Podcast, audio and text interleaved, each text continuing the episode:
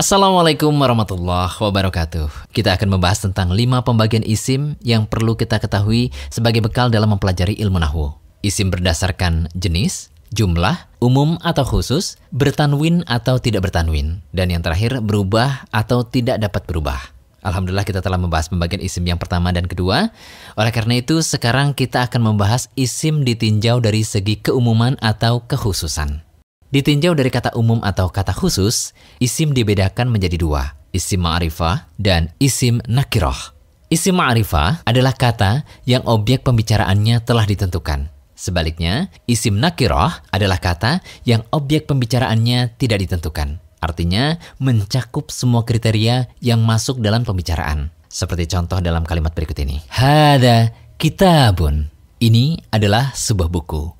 Maka kata buku dalam kalimat tersebut termasuk isim nakiroh karena tidak dijelaskan apakah ini buku matematika atau buku bahasa Arab. Bahkan tidak dijelaskan pula buku tersebut milik siapa.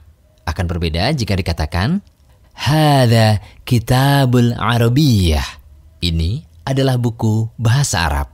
Atau Hada kitabu Zaitin. Ini adalah bukunya Zaid. Maka dua contoh kalimat di atas termasuk isim ma'rifah karena objeknya telah ditentukan. Kalimat pertama telah ditentukan jenisnya, dan kalimat kedua telah ditentukan kepemilikannya. Lalu bagaimana kita mengetahui suatu isim itu ma'rifah atau nakiroh?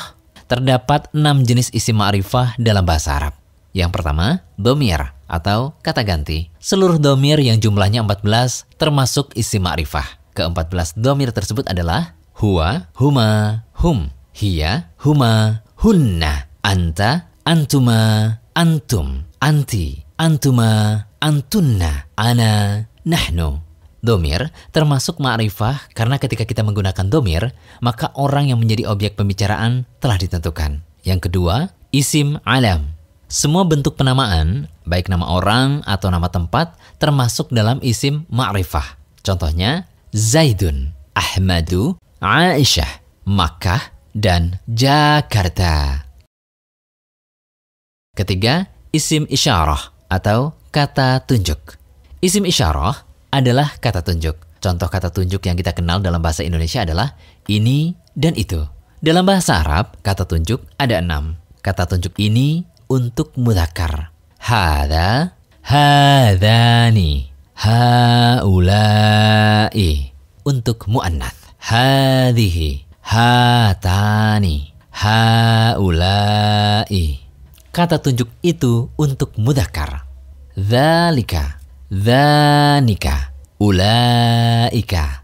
Untuk mu'annath. Tilka, tanika, ulaika. Empat, isim yang tersambung dengan al atau alif lam. Semua kata dalam bahasa Arab yang tersambung dengan imbuhan al termasuk isim ma'rifah seperti al-kitabu, al-qalamu, ar-rajulu, yang kelima, isi mausul atau kata sambung. Isi mausul ini terbagi lagi menjadi dua kelompok. Isi mausul yang umum dan khusus. Isi mausul yang umum yaitu man untuk lil akil, ma untuk li akil.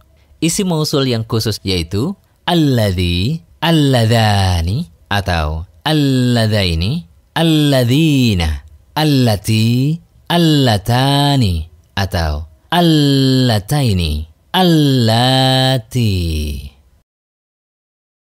enam isim yang diidofahkan atau isim yang disandarkan kepada salah satu dari lima isim ma'rifat yang telah disebutkan. Pada pembahasan lebih lanjut, kita akan mempelajari bentuk idofah ini secara lebih detail. Berikut ini contoh-contoh bentuk idofah untuk lima isim ma'rifat yang telah kita sebutkan.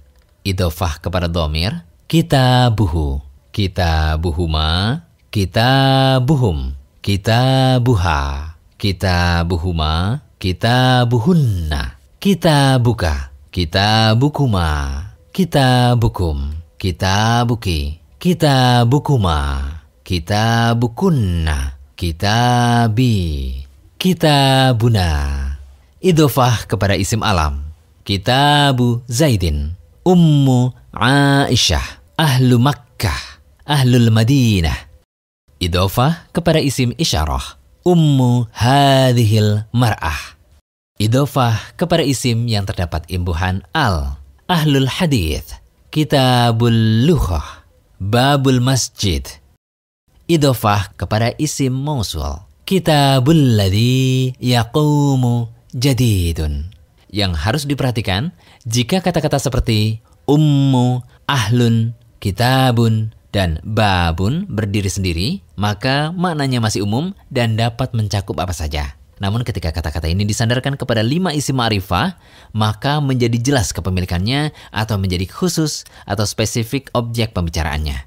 Isim nakiroh. Dari keenam jenis isim ma'rifat ini, empat di antaranya merupakan jenis yang sudah pasti, artinya selain keempat jenis ini, hukum asalnya adalah nakiroh. Kecuali kata tersebut terdapat imbuhan alif lam atau telah diidofahkan. Kata-kata ini termasuk isim nakiroh. Sedangkan bila terdapat imbuhan alif lam, maka kata-kata ini termasuk isim ma'rifah. Secara sederhana dapat kita simpulkan bahwa isim nakiroh adalah semua kata yang tidak termasuk dalam empat jenis isim ma'rifat. Tidak terdapat imbuhan alif lam dan tidak pula diidofahkan. Demikian terus yang kedua, semoga bermanfaat.